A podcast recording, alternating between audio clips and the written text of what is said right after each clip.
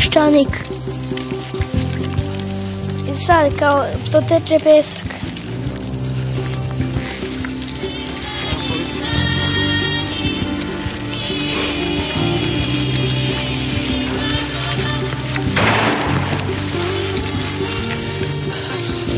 On je čovjek dosadan. I'm so sorry. On je čovjek dosadan čovjek. On je uvijek bio dosadan. Peščanik.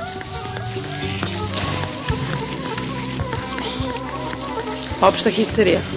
Beda, ljudska beda, ne samo ekonomska, nego i neka, ono, intimna, lična. Daj bilo šta. Daj, samo da se ušti nešto. Daj da bude moje. Nama je žao. Peščanik. Nije bilo dovoljno snage da kaže I'm so sorry. Meni je žao. Redka je generacija koja je dobila takvu šansu kao ova. To je tragična politička generacija. Ni štetu nisu napravili veliku.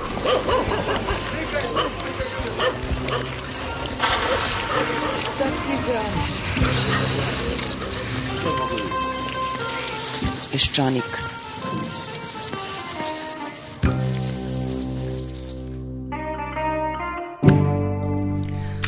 Dobar dan. Sezona je praznika. Amerikanci su proslavili svoj dan zahvalnosti. To valjda zahvaljuju indijancima na pečenoj ćurki kojom su dočekali prve pionire sa broda Majski cvet. Pioniri puritanci su pojeli ćurku, potamanili indijance i rekli ovo je novi svet. Potomak jednog od pionira, Bush junior, eh, se pre nekoliko dana vratio u stari svet samo da bi u Pragu gde ga je dočekalo džinovsko svetleće neonsko srce, rekao novoprimljenim članicama NATO-a, svi za jednog, jedan za sve i ako vas neko bude napao, Amerika će biti na vašoj strani. 100.000 Rumuna mu je klicalo u Bukureštu, a isto toliko Litvanaca Buša je dočekalo skandiranjem hvala vam, hvala vam. Prvi čovek novog sveta im je rekao nema na čemu. To je rekao i tako završio posetu dalekim provincijama Novog Rimskog carstva. Mi se još nismo kvalifikovali u taj novi svet, još smo barvari čije se ime bez neke preke potrebe u tom društvu odabranih i ne pominje. Ovih dana je do duše iskrsla potreba i Solana je morao da dođe i završi posao sa poveljom. A iz OEPS-a su nam napisali pismo u kome piše izaberite predsednika, oči Evrope i sveta uprte su u vas u iščekivanju 8. decembra. Izgleda da samo stranci znaju šta se dešava tog datuma, niko štunica ne zna da su tog dana predsjednički izbori. Ta više ne moralna gromada nego Himalaji nema nameru da povede predizbornu kampanju. Šta će njemu predizborna kampanja? Pa njega narod zna u dušu i ona narod svoj. Šta će predizborna kampanja onome koji tako reći više ne spava u krevetu kao ostali ljudi, već budan sanja u ritmu damara naroda svog. Možda taj novi svet koji počinje već na mađarskoj granici i nije nešto, ali mi i da hoćemo, a nećemo, ovakvi kakvi smo tamo ne možemo. Nismo u stanju da napravimo državu, donesemo najelementarnije zakone koji će urediti. Vođenje poslovnih knjiga, izdavanje računa, uvođenje registar kasa, kažnjavanje za primanje mita za nas su civilizacijski šok. Pre neki dan odlikovan je jedan policajac sa obrazloženjem da je odbio da primi mito od 200 evra. Ulazak u Evropu je za nas težak kao i odlazak na Mars. Naučnici veruju da postoje dva načina da ovu negostoljubivu planetu naselimo. Jedan je da pošaljemo ekspediciju koja bi Mars prilagodila nama ljudima, a drugi način, mnogo jeftiniji je da se ovde, na Zemlji, genetski promenimo tako da postanemo otporni na marsovske nedaće. Ovo drugo je rešenje za nas. Mi moramo da se promenimo da bismo mogli da se nastanimo u Evropskoj uniji.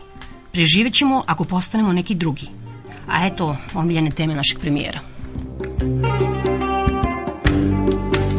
Premijer je absolvirao Machiavelli, a sada zvuči kao da mu je novi manifest knjiga koja je bestseller na zapadu, Funky Business. Uspešnost ne podrazumeva poštovanje određenih pravila, piše u knjizi. Sve se svodi na pametno kršenje pravila i umeće stvaranja novih. Uspeh zavisi od trenutne mudrosti u pomicanju figura kako mora da se ovo dopadne našem premijeru. I eto na kraju šta sad imamo? Sada imamo funky premijera i predsednika kućnog domaćina koji je pre neki dan na Kolarcu na proslavi Srpske knjižene zadruge opevavao svoje detinstvo. Očekujem da i njegov predlog budućeg srpskog ustava bude napisan u nekom čudnom ispovednom desetercu.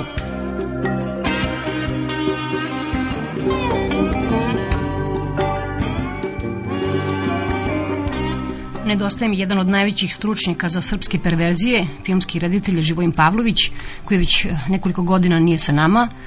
Na Dan Republike, koja više ne postoji, sinoć je u Sava centru održana premijera njegovog poslednjeg filma Država mrtvih. Živojin Pavlović. Rusija, pre svega Rusija, je imala osnovu za veliku kulturu, zasnovanu na čvrsto ukorenjenom pravoslavlju. Za razliku od Rusa, to mora se imati stalno na umu. Srbi, jer je o njima reč, nisu hrišćani. Oni jesu pravoslavci, ali su pagani. Mi imamo osobine mnogo bliže crnačkim plemenima u Africi, nego li hrišćanskoj ideologiji, koja je samo u dekorativnom smislu prelivena kao nacionalno obeležje preko našeg paganstva.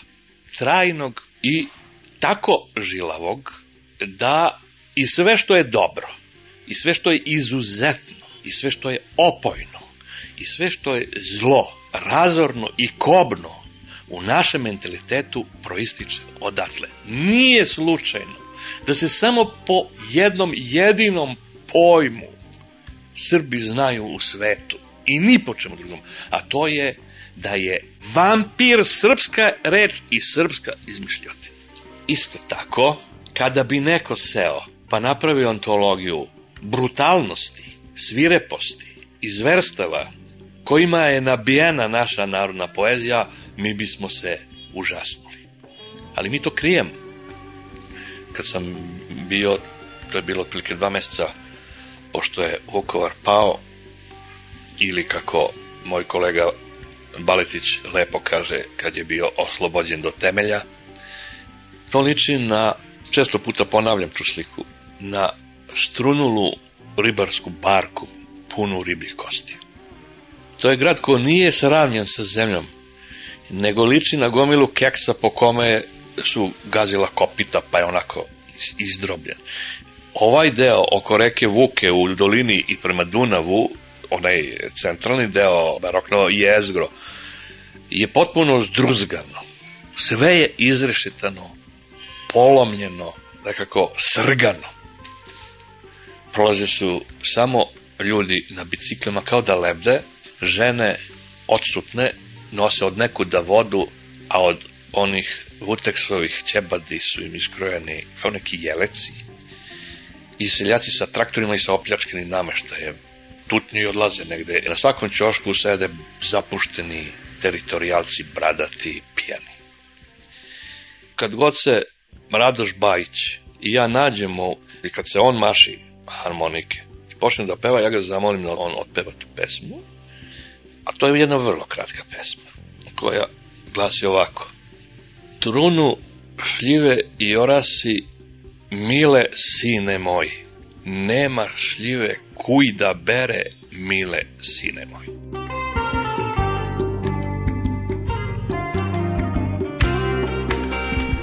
Na Dan Republike, koja više ne postoji, juče na internetu promovisan turistički vodič SFRJ za ponavljače, autora Dajena Novačića sa predgovorom Dubravke Ugrešić.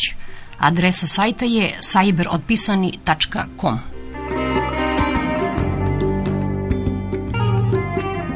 Partizani, grčki Titanikos, su božanska bića magičnih moći i nadprirodnih osobina. Vrhovni partizan je drug Tito iz čije glave se rodio Milovan Đilas. Iz njihovog kasnijeg braka rođen je Vladimir Bakarić, a iz braka druga Tita s Konjuh planinom rođen je Aleksandar Leka Ranković. Edvard Kardelj bio je suptilan pa je rođen iz morske pene zbog čega su ga zvali Bevc, a Koču Popovića su slučajno našli u glavici kupusa. Najveći junaci među partizanima bili su Rade Končar i Sava Kovačević, koga je rodila Cana Babović u braku s prvom proleterskom udarnom brigadom. Iznad svih uzdiže se Nikoletina Bursać, koga je kentaur Vladimir Nazor našao ispod jednog kamena u Hercegovini, odhranio svojim lekom i naučio da puca iz šarca i da baca kamena s ramena, pripremajući ga tako za borbu protiv htonskih božanstava Lera i Špera. U toj borbi Nikoletin je pomagao Boško Buha, koga je donela roda i čim je junaštvima otvoren novi herojski ciklus za niže razrede osnovnih škola i čiji su podvizi opisani u Homerovom spevu Ženevska konvencija i upotreba dece u ratnim dejstvima.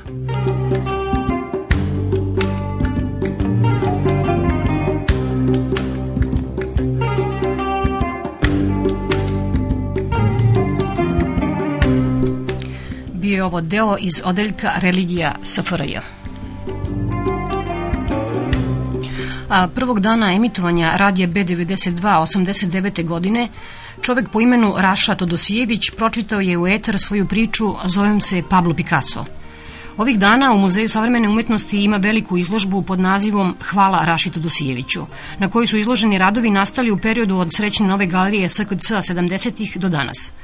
Vlasnik termina čobanizam, čovek koji je na vreme shvatio šta je Dišan hteo sa svojim pisoarom, žena Marinela, odlično kuva pasulj, Dame i gospodo, posle mnogo godina u našem gradu je Raša Todosijević. Moram da priznam, ja nikada nisam imao političke probleme. Iz prosto jednostavnog razloga što su ljudi mislili da je to budalašte. Ono što sam ja radio, ljudi nisu smatrani umetnost. Ne ni čak lošom umetnošću. Ne ono kao, pa ti radiš, a jo, ali ti je to loše, ti nemaš pojma. Nego nije percepirano ni kao nešto u domenu umetnosti. Onda ja pomislim, postoji stvarno jedna, jedna 19. vekovna i krajnje romantična i loše pročitana ideja, on, umetnik radi na polzu naroda. On, rad, on je taj koji radi za dobrobit svoje nacije, naroda, svoje komšiluke, tako da. On je do te vene izvite opera da umetnik počeo radi za korist vlasti. Naš umetnik od početka 20. veka, možda još on, on je estetizacija jednog političkog vrha. Oni su bili estetizirali politiku. I sad vi imate ljude danas koji su do pre 15 godina bili, kako bi rekli, ono što Bros pogleda, oni naprave mozaik, što Bros pogleda ovako, oni naprave sliku. Sada su to rojalisti. Srbija je razvila jednu majmunsku. Mi smo to nazvali majmunska krv. Profesora bira svog štićenika. Štićenik bira svog štićenika. I nema razvoja. Ali ima tome kraja? Nema, nema revolucija. nema, nema. Nisam neki, ono, baš ortodoksni pesimista, ali bar moje, za moje živote meni se neće mnogo promeniti. Mislim, eto to. Bilo je problema, bilo je problema kada je u Čekoslovačkoj, to je kada je Havel došao na vlast i kada je počeo da sve kolaborante u raznim institucije da čisti, pa čišćenje je bilo i na, i na akademija. Ja se sećamo i drugova koji su, ja, Karar Mirel je bio čovjek izbacivo ugalj. Sad je direktno neko muzeja. I onda su počeli da, da kaže, tiranija avangarde. Ali ne znam koji bi drugi lek bio. Ne, mislim, ajde nađi bolji lek. Šta se da ga ovde? Da se ništa ne dogodilo, sve po staro. Doduše, evo, sad je nova garnitura ljudi mlađih i, i sa visokim obrazovanjem i veliki pogleda su u muzeju, ali strukturalno gledano, to su male svetle tačkice, nikako na tom sivom, sivom fonu ništa mnogo ne znači. Pa da, evo, i u Slovačkoj su, su, su, su, uvek su imali opravdanja da su to bili tipovi koji su bili ono debelo za, zalegli za, ne znam, za Sovjetski savez, za taj najrigidne forme komunizma. Tako da je prosto bilo debelog opravdanja. Sad ne možete sad da te neke budale s akademije da izbaciš. Šta, da ništa nisam kriv za nešto, nije kriv za ništa, on je kriv samo što je glup. Mislim, to je 99, ma kakva politička osuda i ilustracija. Optužba je da si bio glup, ali to ne može ovdje pravni lek, nema za to, za glupost nema pravni lek u Srbiji.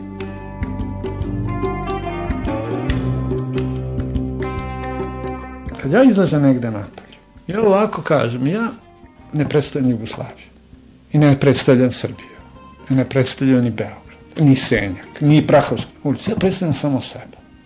Ali sigurno da postoje jedan paradoks ili protivrečnost po tom pitanju da dovoljno tamo zamišlja nekog Slovena, neka mutan oblak koji se kreće Evropom, a dok kad dođeš ovde, a ja, pa znaš, to neki import sa zapada, ti konceptualisti, to, i onda pitat, pa, jel ste vi gospodin Tudosivić u Beogradu? Niste. I ne možete vi da govorite da dan, dan, danas ljudi dolaze kod mene, znači posle 30 godina, negdje iz inostranstva, kaže, ja da vam pokažem jednog avangardnog umetnika, Raša Todosijevića, vi znate njega, da sam ja posle 30 godina još avangardni umetnik. To je kao kada bi žena bila 30 godina u drugom stanju. Ova kultura nikako nije mogla da sebe vidi kao jedan, jednu kritičku svest.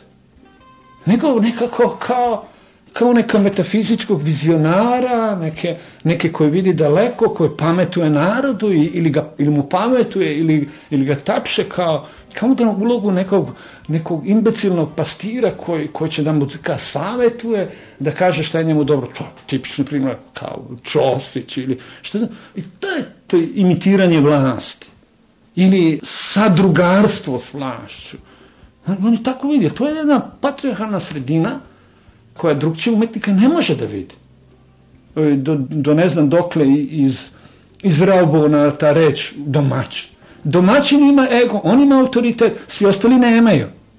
I to je, to imate tu vrh, u gornju ličnost i dole ništa. Danas na svetu negde dođete u, ne znam, u Holandiju, u Amsterdamu, kaže, a, dobrog li domaćina. Rekli ste ludi, jem. Mislim, gde se vataš ti za minezengereca, za neku daleku prošlost? Mora se krenuti drugi put. Veliki ratovi su po svom završetku imali posle jednu fazu velikog entuzijazma. Ovde ga nije posle ove vrtutme. Nisu jasni odnosi. Ko je pobedio, ko je izgubio. Oni svi misle da su pobedili. Da, danas.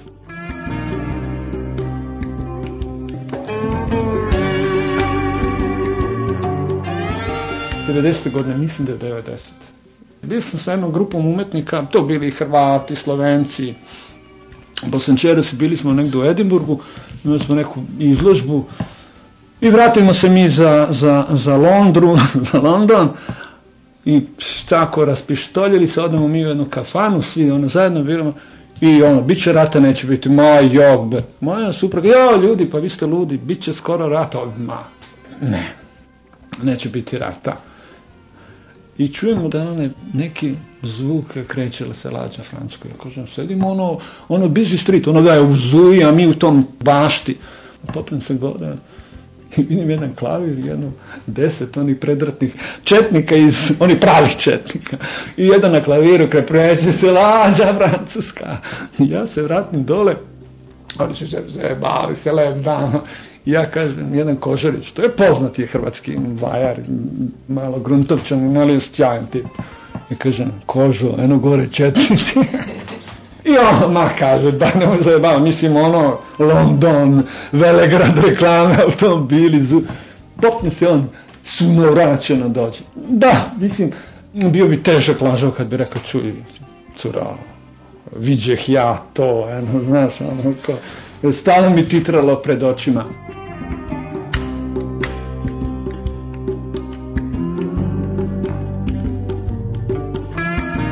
druga polovina 90. je bila jedna u Evropi, ne samo u Evropi, tendencija rekapitulacije 20. veka. Tako da sam ja upao jedan ciklus velikih izložbi, osnuje se, na primjer, recimo u, u San Francisku, pa dati ide za Beč, iz Beća ide za Barcelonu, iz Barcelone ide za Budimpešte, iz Budimpešte ide za, za Berlin, iz Berlina ide za Tokio. Imam, radio sam seriju Kukaste krstove, dosta sam radio. Ovo sam radio u Budimpešti ovu sa zelenim kukastim prstenom. Ovo sam radio za jednu malu izložbu koja se u galeriji IFA u Berlinu, nešto priča o mojoj majci, ti kukaste krste koji su napravljeni od delova nahtkasni, bolničkih nahtkasne. Ovo je kukasti krst od kofere? Jest. Ja sam napravio isti sad u muzeju. I u Gracu sam sad, e, opet, da se priključi ovoj temi velikih izložbi, to je potraga za Balkanijom. Šta se desilo? Ja sam baš tu zavitlao. Pa dobro, kažem, vi Hrvati ste stalno njekali da niste Balkan, a i vi Slovenci zajedno. To su sve moji dobri prijatelji, ali Ali otkud vi sada na tu search, in search for Balkanija? Pa, ne, znaš šta, to političari, ne mi, znaš, ako... Vi ste tamo bili s? I tamo sam bio s kukastim krstom, ali sam počeo da radim, već sam ušao u fazu s klavirima, sa onim izbodenim klavirima. Oni su ljudi dolazili kod mene, pa, pa kaže, pa znate, dok, dok je bio ovaj rat i ovo, pa kaže, vidite, u nekoj srpskoj umetnosti nema ničeg izraženo da u otvorenoj formi bude protiv takvog stanja kakvog je, kako je tog trenutka na političkoj sceni, te rat, to sve.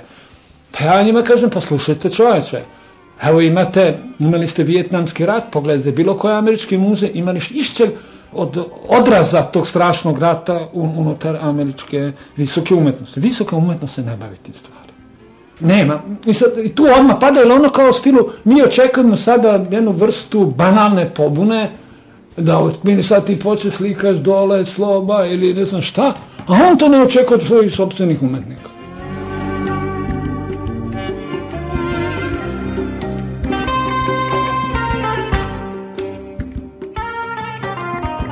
Sjećam se, 90. godina isto sam bio u Londonu, ja i moja žena idemo, imamo kod nekog našeg prijatelja koji je direktor Tejta, naš prijatelj direktor Tejta, a lepo zvuči. Bila je jedna izložba koja se zove na klasičnim osnovama. Ono red 5 km.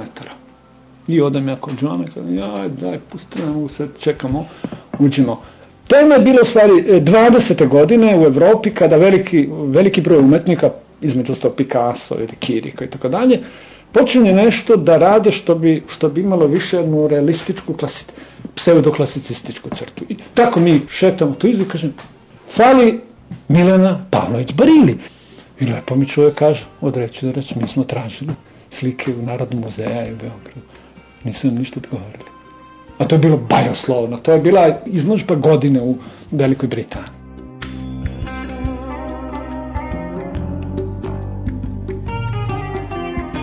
Ja sam 5. oktobra bio ujutru u Berlinu. I onda sam rekao, aha, žena zvala telefonom, bit će fartutna, upadam ti ja avion, odlazim do Ciriha, od Ciriha dođem do Beograd, na aerodrom, dođem u jedan sat. Aerodromu haos. Izgubi mi se kofer, ja, a kažem Lufthansa, naplatit će me, Njemci meni te stvari. I sada kažem, oh, idem ja na autobus, nema autobus. Ok, upadam sa jednim koji je došao iz Južne Afrike, mi podbitimo nekog tipa da nas vozi, odvazi, odbaci nas samo do Novog Beograda. Ja, Jer taksi nigde, kakvi taksi, nekako, i nekako ode mi žena, žena gleda kroz ove moje tavanče i kaže ide Raša bez ničega u mantilu, takav dan lep. Svi to kažu, mi više ponavlja nešto što je već kao da su posle velike očekivanja. Ta se očekivanja jednostavno nisu ispunila jer u tom zanosu ljudi se povedu za verom da će sutra biti bolje. Jednostavno, evo danas gledate na televiziji te čudovišta koje su nam juče do juče do juče su nas gazili, pljuvali, sve isto se ko, ko primadone se pojavljuju na ovoj televiziji. Kao da postoji jedna, kao da bude tendencija da se legalizuje prošlost u njenom nekom relativističkom vidu. Kao, jeste bilo strašno, ali naš, mi smo i političari, mi smo, nećemo mi kao oni i i što vi otvorite televiziju To ste što ste juče čuli, to ćete se čuti sad. Eto, samo vesti i sve tako se razlikuje. Vi se sećate ono, sigurno, kad je bilo ta nesvrstanost. Jednostavno, Broz nije teo da se suoči sa velikom Evropom. I da to bude dole na kraju reda. On je teo da bude veliki čovjek, da bude gazda u jednom trećem svetu. I neprekidno odustajanje da se suočimo sa tom Evropom, ma kako nas to koštaju, da kažem, čute, Kao da se suočimo sa velikim izazovom koji će na nešto dobro doneti. A, pa ljudi, pa država, pa umetnici, ali narod se poznaje po tome kako u određenim istorijskim okolnostima reša pitanje svoje sudbine. Jedni ga briljantno reša, drugi padnu iz tog ispita. Mi smo ti koji smo pali iz tog ispita. Pa verovatno nema te kritične mase koja bi ume da, da, da, da promeni pravac naše sudbine. Ne, ne. Činčić? Pa ne znam, ja, ja se prvo, ja sam malo znam o njegovim potesima. Ono što znam, to znam, to su izjave na televiziji. Eto. Između izjava, između reći, dela pada sena. Znači, ko to reče, Eliot? Eliot, jes. Izlazite na glasanje? Da, ja izlazim, i, i, izlazim na glasanje i još tera moju majku da da glasa, ona je da se kreće, onda i kažem za koga da glasa, da neće dobije para od mene, ni dinara. neki put me laže, neki put sigurno. Kad ide sa mnom, onda glasa kako ja hoću, a, a kad ide sama, ja mislim da me laže i da glasa za najgore stvari.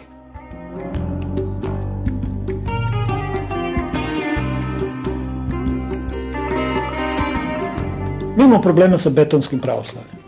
Gledajte Putin i onaj, onaj drozd do njega. Sve u tim slovenskim zemljama gde, gde je crkva istorijski bila neprekidno u saveznišću sa vlašću i sasvim neka druga priča nego sa zapadne Evrope gde je katolička crkva imala svoju ispostavu u Rimu i gde ona pravila svoju logiku stvari. Da nije taj socijalizam i Stalin bio rigidan, da su bili malo mekši i tekako bi oni išli barabaru z Lenjina, nego ovo je bio do, do daske na, na kriminogena ličnost. Ja pretpostavljam da je ovo jedno vrsta jedno betonsko pravoslavlja koja reflektuje na istu stolicu koju iz vlast. Iz mog ugla gledana to je velika mana. Prvo, ja, ja sam ateista i to ateista gori i od Staljina i Lenjina i Marksa zajedno. Ali to ne znači da, da se ne razumem u, u tu materiju, da već 30 godina se bavim Biblijom, nezavisno od svega. Ovo što se mi sada imamo, jedno betonsko pravoslave koje po mom računu ničemu dobro ne, ne ide. Nažalost, tako je. I sigurno da sam pre 20-30 godina izuzetne simpatije imao za crkvu i njene probleme, jel, razmišljajući, pa dobro, pa to je naša crkva, pa to je naša, da, da, da, i sve, to, te, te, sve što ide u, u korpus takozvanog slatko pravoslavlja, evo sad, a, a, sad i mi hoćemo da, da, da gospodarimo vašim dušama, ne, mojom dušom najmanje će neko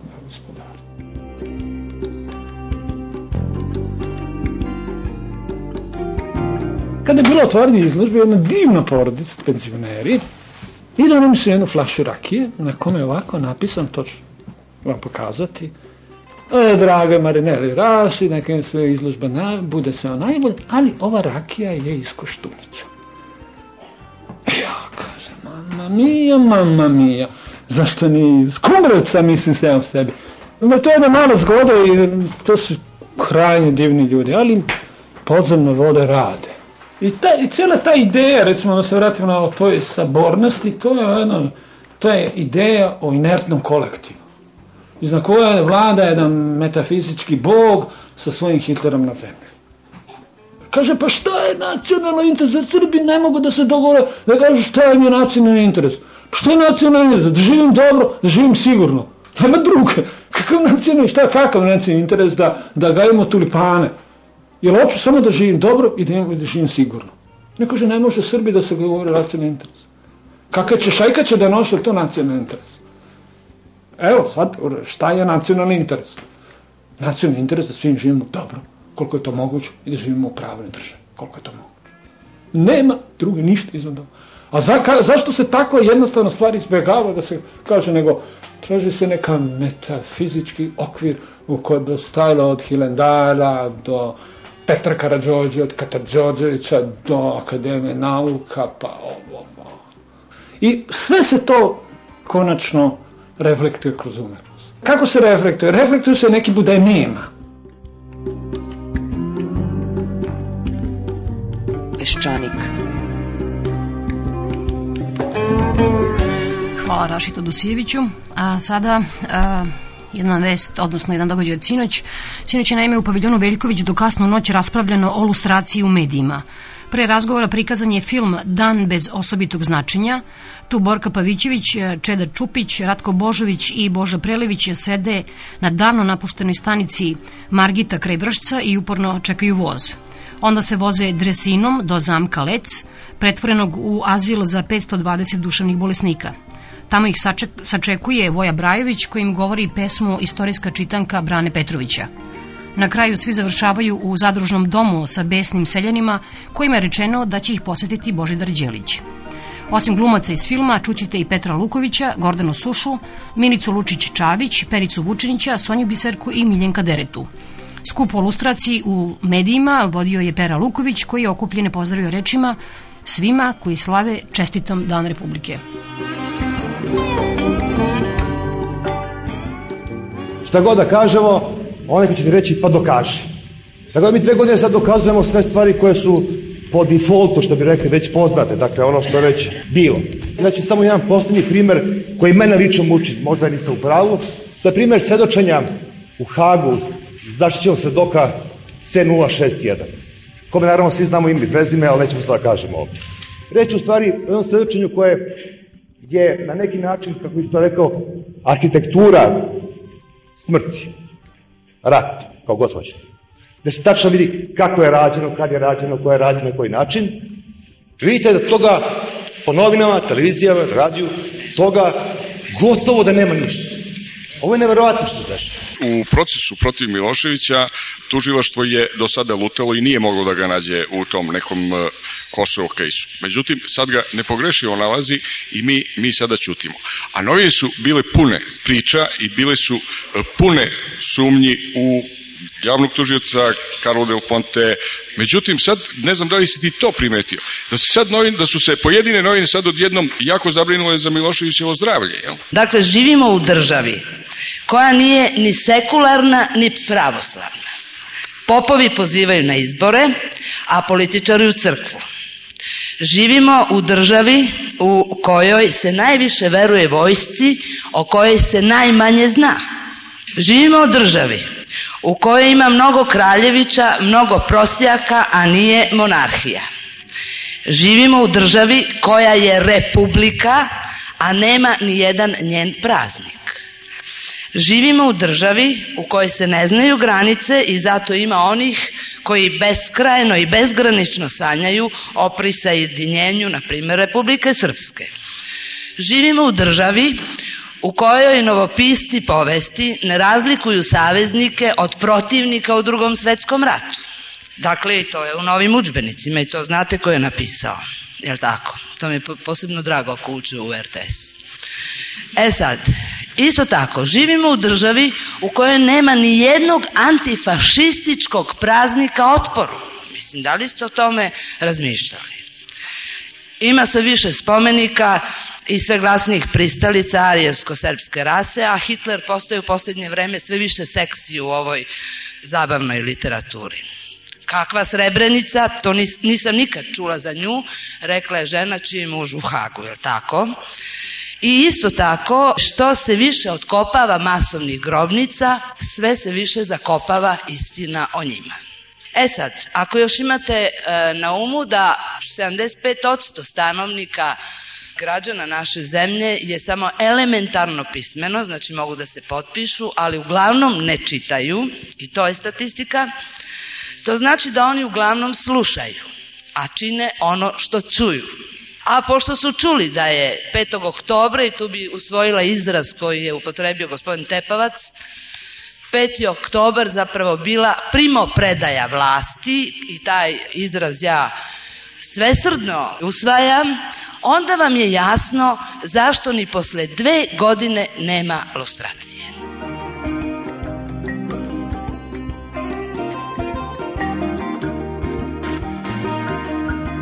Nakon što me haški zatvorenik decembra 99. izbacio iz suda pod pogrešnim imenom, ja sam otišao u advokaturu i bio sam istraživač u jednom postupku protiv haškog zatvorenika koji se zove Dragan Nikolić Jenki.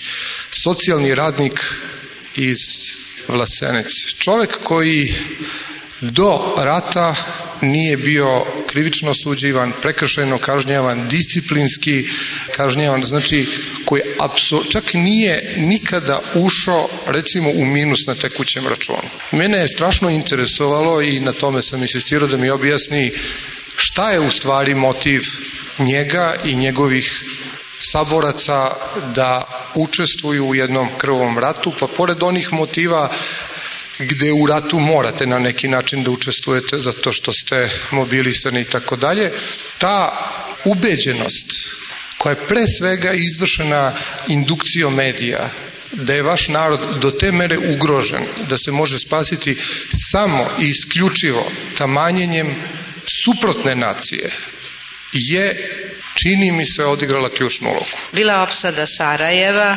naša televizija Beogradska prikazivala je patnje naroda u Republici Srpskoj, herojske borbu za svoja ognjišta, vekovna ognjišta i slično. I sad, jedne večeri u centralnom dnevniku televizije Beograd jedna mlada žena u uniformi sa crvenom beretkom intervjuiše novinar radio televizije Srbije. Ona kaže ovako, ja sam rešila da odem da pomognem našem narodu tamo u Bosni kada sam videla koliko on pati. Ostavljam dvoje male dece kod kuće i idem, makar i poginula, ali ja ne mogu da trpim. To sam gledala na vašoj televiziji, pre neko veče sam gledala i donela sam odluku. Narod je u autobusima ponavljao rečenice koje je čuo sinoć na televiziji. To je ista konstrukcija rečenice koju je spiker ili voditelj pročitao.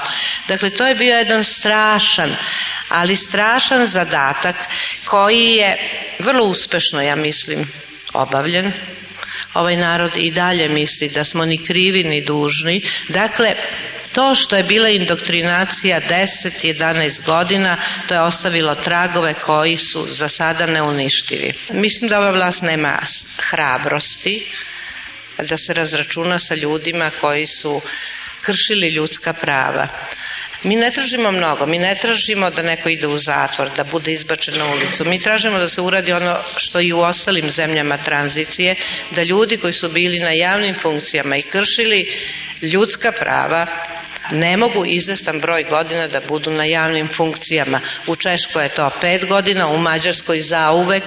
Mi smo samo tražili da se odstrane sa javnih funkcija da utiču na ljudske sudbine. Lustracije po meni neće biti, nažalost. Šta mislite ako ne bude lustracije, šta će biti epilog toga? Tu postoji jedna velika opasnost koja, koja se polako nadvija nad medijima, a to je da će kupci medija biti ljudi iz organizovanog kriminala. Oni su neke medije po mojim saznanjima već uzeli, a neke će uzeti i ako se ilustracija ne obavi u jednom, u jednom doglednom roku, u jednom, jednom kraćem roku, ja mislim da posle toga e, će biti potpuno iluzorno pričati o ilustraciji jer će se raditi o isključivo privatnim medijima. Mislim, ja, ja sam e, poneo neke utiske, naravno, iz Ministarstva unutrašnjih poslova i mogu vam porediti to sa, recimo, Češkom, neka njihova saznanja idu otprilike u prilog sledeće teze. Ko ne reformiše medije ili ne reformiše državnu bezbednost, bit će reformisan od državne bezbednosti ili od medija. Ili će biti lustriran od onih koji trebaju da budu lustrirani. A podsjetit ću vas samo da lustracija ni u Poljskoj nije obavljena u prvih nekoliko godina, ni u Češkoj. Znači, neko vreme je ipak prošlo dok e, građansko društvo nije ojačalo i prosto pritisnulo političke aktere da do lustracije doće. Kod nas ne samo da ne postoji, što si kao sad pritisak građanskih snaga za lustraciju, nego taj pritisak u odnosu na pre dve godine mnogo danas mnogo manji nego što je pre dve godine. Hoću mi idemo potpuno retrogradnom smeru. Ja se počećemo za par godina, ko pomene ilustraciju, ljudi ćete ga pitaju, a šta je to ilustracija?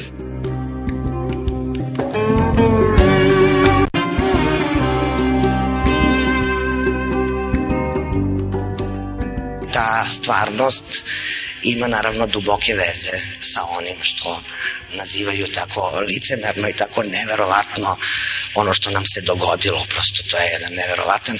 Pa ja uskoro očekujem da će neko upotrebiti reč happening za Srebrenicu, pošto stalno se ponavlja to ono što nam se dogodilo. Ja naime mislim da parola koju sam čula da je pisala na futbalskoj utakmici nož i žica Srebrenica, da ona ima neposredne veze sa našim životom. Ceo period rata je užasavajući, odnosno je to što je uništeno, ali isto tako mislim da treba primetiti u ranom jutru da je on u stvari služio instalaciji jedne nove klase. I bojim se da je ta klasa varvarska. Mi smo vreme ubice. Nema takvih vreme ubica kao što smo mi. Jer vidite šta se desilo od 5. oktobra danas, to je sve jedno gubljenje vremena, jedno gubljenje ritma, jedne dinamike i mi smo dakle tu veliki umetnici. E, onda se mnogo čuti. Zašto se čuti? Hoćemo li ponovo biti saučesnici? To je naša priča. Da bome, gotovo da nema mesta govoriti ovde o istini. To su prejake reči, reči izlizane, reči koje deluju patetično. Ovde prevashodno nema slobode. Dakle, ovdje se jedan prljavi talas obnavlja. Kod nas se izgleda obnavlja ono i živi ono što je korov, što ne valja, ona baruština. Mi smo još uvek, dragi Petre, u staroj priči. Priča o lustraciji. Pazite, priča o lustraciji je priča o tome hoćemo li civilizacijski prepoznati što smo mi to učinili sebi i drugima. Mi smo sada u šutnji takođe sa učesnici. Da li je naše javno mnjenje kritičko, Gocu, ja ne znam, bojim se da se zaustavljamo u pola rečenice, u pola misli. Da li smo konačno osposobljeni za jednu percepciju nas kakvi mi sada jesmo. Mi sada jesmo, jesmo nikakvi. Slušate tribinu o lustraciji u medijima koja je sinoć održana u Centru za kulturnu dekontaminaciju. Čuli ste Petra Lukovića, Gordanu Sušu, Pericu Vučinića, Božu Prelivića, Milicu Lučić-Čavić, Borku Pavićević i e, Ratka Božovića. A sada ovim redom Čeder Čupić, Sonja Bisarko, Miljenko Dereta i Boja Brajović. Gospodo, gledam jednu donatorsku večeru na kojoj se nalazi čovek koji je pre dva meseca izašao iz zatvora, koji je još pod teškim istragama. Tu se nalaze crkveni velikodostojnici koji treba da promovišu velike hrišćanske ideje. Gledam premijera koji sedi na toj Pa kako on sme da sedi na toj večeri? Pa šta je to, koja je to poruka za te večere? Je to poruka, gospodo, možete sve da radite, to košta toliko i toliko, imate li novce, evo indulgencija košta toliko, hajte, hoćemo da prodajemo indulgencije, onda da to javno, da se obeznani, pa onda nek svi idu tamo na šaltere, te ne kupe, koliko to košta i tako dalje. Utorak me zvao čovjek koji zove Peđa Strvizi politika. I da ja gostujem u četvrtak da budem sa Milijanom Baletiću u emisiji. Ja sam njemu rekao, mislim, ne prvi na pamet da budem s tim idiotom u emisiji. Ne, ne uživo. On kaže meni, pa dobro, koga ti hoćeš? Kaže, već nikoga, mislim da budem u emisiji sa tim ludacima. I onda mi on počeo da mi nudi. Pazite, ko da mi, ko da mi nudi zločince. Da li hoću Kalajića, da li hoću Vanju Bulića, da li hoću ovako. Da pravimo cirkus. Dakle, i onda je posle toga Svesno ili nesvesno, oprosti, to kad mi zove ovako, kad zameniš dželata i žrtvu, stvorit ćeš očajnog čoveka kad dobiješ očajno gledoca, možda mu radiš šta god hoćeš. Znam, u toj emisiji, recimo, ne, ne mislim da kritikujem, to je moj drug, Fića Mladena, Fića je bio u toj emisiji sa Mirjanom. To je stvarno bilo strašno. Mislim, bilo je strašno zato što je on automatski, prema što je ušao u studiju, bio poražen. Hoću da kažem. Vi ne možete na normalan, civilizovan, kulturan, inteligentan, ne znam kakav način, da izičete na crtu sa tom budalom. Prema tome, to je jedino, jedino da budem ekstremno vulgaran, ekstremno budem kretenoidan, da udar napravim incident u studiju, jedini način da ja pobedim tome. U očima bilo kog gledalca, moj prijatelj Fića bio gubitnik. Ima jedna formula, našao sam je kod Hane Arendt, kako su zapadni novinari u vreme bujanja i, rast, i rasta nacizma u Nemačkoj govorili kako oni objektivno izveštavaju. Pa kaže šta? Mi smo objektivni novinari. Minut Hitlera, minut jevreja. Znate, e sad, minut Hitlera znamo kako je, a minut jevreja u gasnim komorama i tako dalje. E, gospodo, izvinite, ako znate da je 70% ovde nepismeno, ako nam je ova, ova stena kakva je, izvinite, ja neću da sutra budem alibi minut Čupića i minut tamo nekog zlotvora koji je čuda poradio. E, to neću da prihvatim, nećemo to novinarstvo koje će alibi tražiti, kada evo, mi smo demokratični. Pa upravo je to senzacionilno. Tako je Milošević počeo. Omogućio je svima, svi su pisali klevete, laži, izmešana istina, izmešano dobro, izmešano zlo, niko ništa ne može zorijetiše. Pa onda oni mene novinari me pitaju, vi ste u aferi, kažem, je aferi, ja, nisam, ja se uopšte tom čoveku nisam obraćao, ja se obraćao vlasti, gospodo, ovaj čovek je bio u panici, žao mi je, ja ne volim da izazivam paniku, panika je loše stanje. On je izazvao paniku, pa iz panike uleteo glupost, pa glupost proizvodi glupost, pa onda glupost proizvodi verbalno nasilje, pa onda bi kad bi moglo i fizičko nasilje i tako dalje. O tome se radi. O to, odgovornost je ogromna i velika i iza, iza tih pljuvanja, iza tih laži, iza tih kleveta, iza toga mučenja, sledeći korak je nasilje. Ako ćemo da ih socijalizujemo, ajte, pustimo ih, svi nek dođu, da samo njih gledamo, mi smo bili, mi ne trebamo, odradili smo poslove i tako dalje. Ali da me mešaju sa njima, E, izvinite, to ipak ne, ne sme čovjek ozbiljan i odgovoran da zove. Eto, to je to.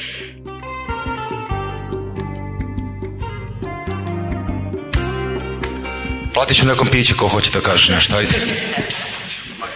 Znači, otišao je Slobodan Milošević komunista koji je obavio prljavi posao i na scenu je došao taj takozvani demokratski, demokratski ili građanski nacionalizam, kako ga Sveta Stojanović zove, građanizam. Znači, četnici i partizani su se pomirili pre rata, s tim što su partizani dobili ulogu da obave taj prljavi posao, a četnici su sad to drugo lice tog nacionalizma i oni su sad antifašisti, a partizani su koliko ja vidim i svega ovo što se sad produkuje, su fašisti, da. Međutim, ono što je zabrinjavajuće za mene jeste da je međunarodna zajednica, takozvana, koja ovde sad deluje, koja je ušla ovde, je prihvatila taj građanski nacionalizam i zapravo sve one koji imaju neku kritičku distancu prema ovome što se dešava je diskvalifikovala na neki način i osjeća ih kao neprijatelje, s obzirom da smo svi mi u pojedinim situacijama bili opominjevani tokom ovih, dve godine, da ne treba biti tako kritičan, da ne treba se pozivati na ovo ili ono i veliki deo naše nevladne scene koja je deset godina delovala kako je delovala je zapravo otpala i prešla na tu stranu. Dakle, ovaj deo ostao vrlo usamljen. I slažem se sa Perom da upravo ovo što se dešava u Hagu, ni sama međunarodna zajednica ne uzima u obzir, jer tamo se piše istorija. Komisija za istinu i pomirenje je u pravu kada kaže da se tamo piše istorija. Nažalost, u ovom momentu određivanje politike na Balkanu ne uzima u obzir onu realnost koja se ovde desila. I ono što je najpogubnije po meni jeste da se od Srbije pravi lider, samo ne znam čega, ona nije prihvatljiv lider u regionu jer je percepcija negativna, nema se poverenja i mislim da Srbija gubi vreme. Isto tako mislim da je pogrešno praviti razne unije jer Srbija nema energije za to niti ima šta da ponudi ni ona u Crnoj Gori ni Crna Gora njoj. Ono što je bitno u ovom momentu da se Srbija suoči sama sa sobom. Jer tek takva Srbija može biti preporuka za region i može biti neki faktor koji može e, da igra ulogu i to ne sad odmah. To treba proći, proći će decenije pre nego što se to desi i možda će u jednom momentu i taj narod u Srbiji koji je tri puta ili treći put će možda odbiti da učestvuje u tim predsjedničkim izborima, za mene je to ipak znak racionalizacije oni prosto neće te predsjedničke kandidate. Ja mislim da je pogrešno što je OEBS poziva na izbore s obzirom da oni sad nama nameću predsjedničke kandidate koje mi nećemo. Niko ne govori o njihovim zločinačkim prošlostima, niko ne govori o, o tome da dvojica od njih su mogući kandidati za Hag, da jedan zapravo sve ove dve godine, ovaj koji je sada tekući predsjednik Jugoslavije, da dve godine govori i gleda na Republiku Srpsku kao deo Srbije. Mislim, to prosto nije preporuka za predsjedničke kandidate, niti je to politički korektno, čak i kada je međunarodna zajednica u pitanju.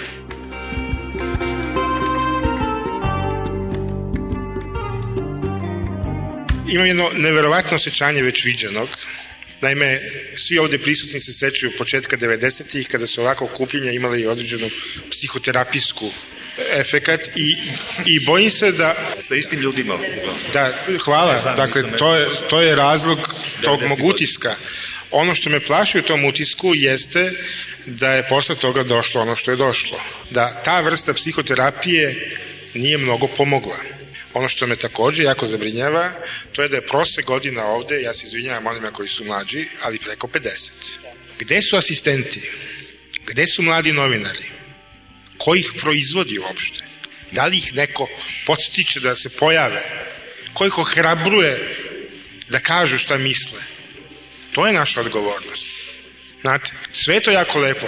I moram da kažem, princip koji rukovodi novinara da pozove tebe i baletičku je isti onaj koji nas stalno izaziva, da stalno zovemo proverene ljude kao ljude koji će privući druge ljude. Mi moramo ovo da koristimo za promociju nekih mladih ljudi. Dati im prostor. Ako im mi ne damo prostor, ako im mi ne damo, ko će im dati prostor? Niko drugi. Podatak jeste poslednjeg istraživanja da je najveća najradikalniji nacionalizam u generaciji od 20 do 30 godina. Najradikalniji, najveća etnička distanca 20 do 30 godina. To su oni koji su rasli poslednjih 10 godina, to su oni koji su sada na izvestan način jako bliski ovoj vlasti. I kad se danas govori o lustraciji novinara, o lustraciji ovih sudova ili ovoga ili onoga, molim vas lepo, ja hoću lustraciju predsjedničke kandidatske liste. Od početka. To je prva lustracija i hoću odgovornost onih iz političke elite koji su nastavili u tu situaciju. Gde su reformisti, takozvani? Gde smo mi na toj listi? Gde smo da se, čak i ako svesni da ćemo izgubiti, da kažemo, evo mi se bijemo za vrednosti, jer ako se mi ne budemo tukli tamo gde treba da se tučemo, ako se mi ne budemo tukli, neće se oni tući za nas, neće nas zvati, dođite nam na, na kandidatsku listu. Ja sam prošle nedelje bio u Vranju, ja dosta putujem po Srbiji, to znaju i Čeda i svi ovde prisutni, na jednoj, na jugu, jel? gde se razgovaralo o NVO sektoru, bla, bla, bla, bla, i onda jedan iz naših redova jako zameri manjinama što eto bojkotuju izbore predsedničke. I ja moram da kažem, ja sam rekao, izvinite, njihov izbor, predsjednički izborima je, da li će se iseliti odmah ili će možda imati vremena da se spakuju. I ako mi ne shvatamo da je dramatiku ovog trenutka, ako nismo spremni da nešto s tim u vezi mnogo konkretnije od ovoga uradimo, mi ćemo izgubiti, već smo izgubili delimično ono što smo mogli dobiti, što se moglo dobiti 5. oktobra. A to zahteva hrabrost članica DOS-a, da kažu mi iz o, u ovome nećemo da učestvujemo. Mi nećemo taj deo mali vlasti, bez obzira na sve pogodnosti, mi hoćemo određene principe i hoćemo određene vrednosti. A to niko nije spreman da rizikuje. Da li ih je 17, da li ih je 16, da li ih je 15. Da li su sedam ovih grupa ili su dve grupe ili su u jednoj grupi, uopšte nije bitno. Bitno je da su svi još uvek na vlasti, da niko nije izašao iz toga i rekao, izvinite molim vas, to nije ono kako mi vidimo da Srbija treba da izgleda. Dakle, mi smo izgubili 5. oktobar, da tako kažem, na televiziji vidim da, da, da se i rezultat drugog svetskog rata promenio. Prema tome ja očekujem da će Srbija krenuti nešto novo tek kad pobedi Turke na Kosovo. A desit će se. Kako je krenulo, desit će se. Znate, užasno je teško suočiti se sa onim što se dogodilo. Ja to potpuno razumijem, posebno one koji to nisu hteli da vide. I u tom smislu, pre svega mi je žao što nije Voja Brajević ovde, mislim da je to izgovorio na jedan fantastičan način, na jedan koji se teško može opisati. Znate, on je bio vi, a Srbija su bili oni koji su ga slušali. Može li se neko prepoznati u onim sluđenim ljudima? Naišli smo na selo napušteno. Prepoznavali stvari iz detinstva. Dočekao nas je samo jedan starac koji nije uspeo da utekne. Pa smo došli do jedne crkve razvaljene. Tu smo se pomokrili. Pa smo došli sve do jedne škole koju smo zapalili da se ogrejemo. Ugledali smo zelenu livadu. Tu smo se zaustavili da predahnemo. Klali smo se malo među sobom, časkali, prebirali po sećanju. A onda smo krenuli dalje. Za zvezdom koja nas je vodila. Imali smo zadatak Danas po zlu zapamte narodi koje posetimo. Pa smo krenuli dalje. Hteli smo se snabdeti vodom, pijaćom, ali bunari su bili zagađeni, puni ljudi uginulih i njihovih vernih životinja. Onda smo krenuli dalje. Ispred Leleka koji je išao za nama. Tako smo došli do jednog izvora. Tu smo se umili. Naišao je vlasnik izvora i nazvao nas poganim psima. Odmah se videlo da je naš čovjek. Poveli smo ga sa nama. Da ga proverimo, našli smo dete sa jagnjetom u naručju, zubima ih je oboje zaklao. Stekao je naše puno poverenje.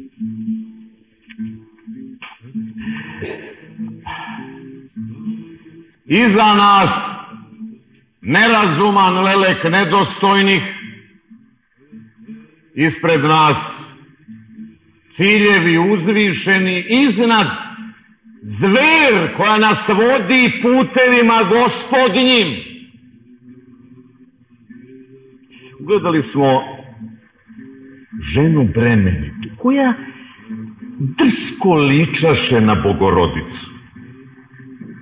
Iščupali smo dete da ga mi vaspitavamo i negujemo, a nju nedostojnu štakorima. I dugo smo, dugo još putovali, nepredviđeno. Zađo smo u neka brda.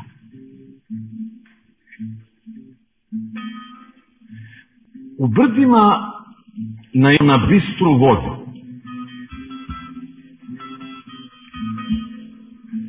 Ugleda smo u bistroj vodi naša lica i iznenada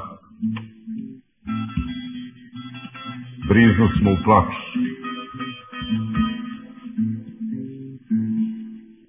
Daj mi cigaru.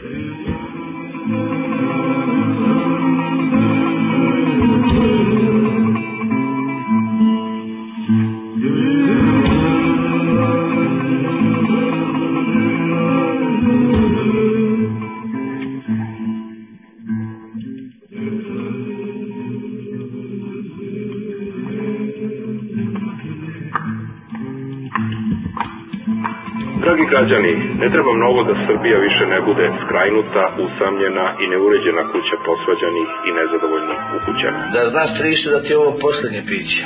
Postajemo glasačko mesto, nismo više bili sus. Dovoljno da se saberemo i prihvatimo posla. I mesta, a i posla ima za sve nas. O bre, pa ovo je ono će Nemče što je bilo i na prošlim izborima. Ajde bre tamo dosta. Jesam rekao da kafana danas ne radi. Sutra su izbori. Kafanu treba molovati. Kad našu sačuvanu državu uredimo na modern, evropski nam na najbliži način, bit će i budućnost za sve. Ja mislim drugovi da mi ne bi trebali odavde da se pomerimo dok i mi ne dobimo avion. Sva sela oko nas imaju po avionče, a mi ko siroči. Kad može do studenti, možemo i mi. Možemo mi to. Da se jednom zavede red. Svi jednaki da budemo. Za demokratsku Srbiju. Jebi ga. Izvini, druže predsjedniče. Molim. Bilo je emisija Peščanik, realizacija Marko Perunović, montaža Ratko Ristić, emisiju su pripremile Svetlana Vuković i Svetlana Lukić.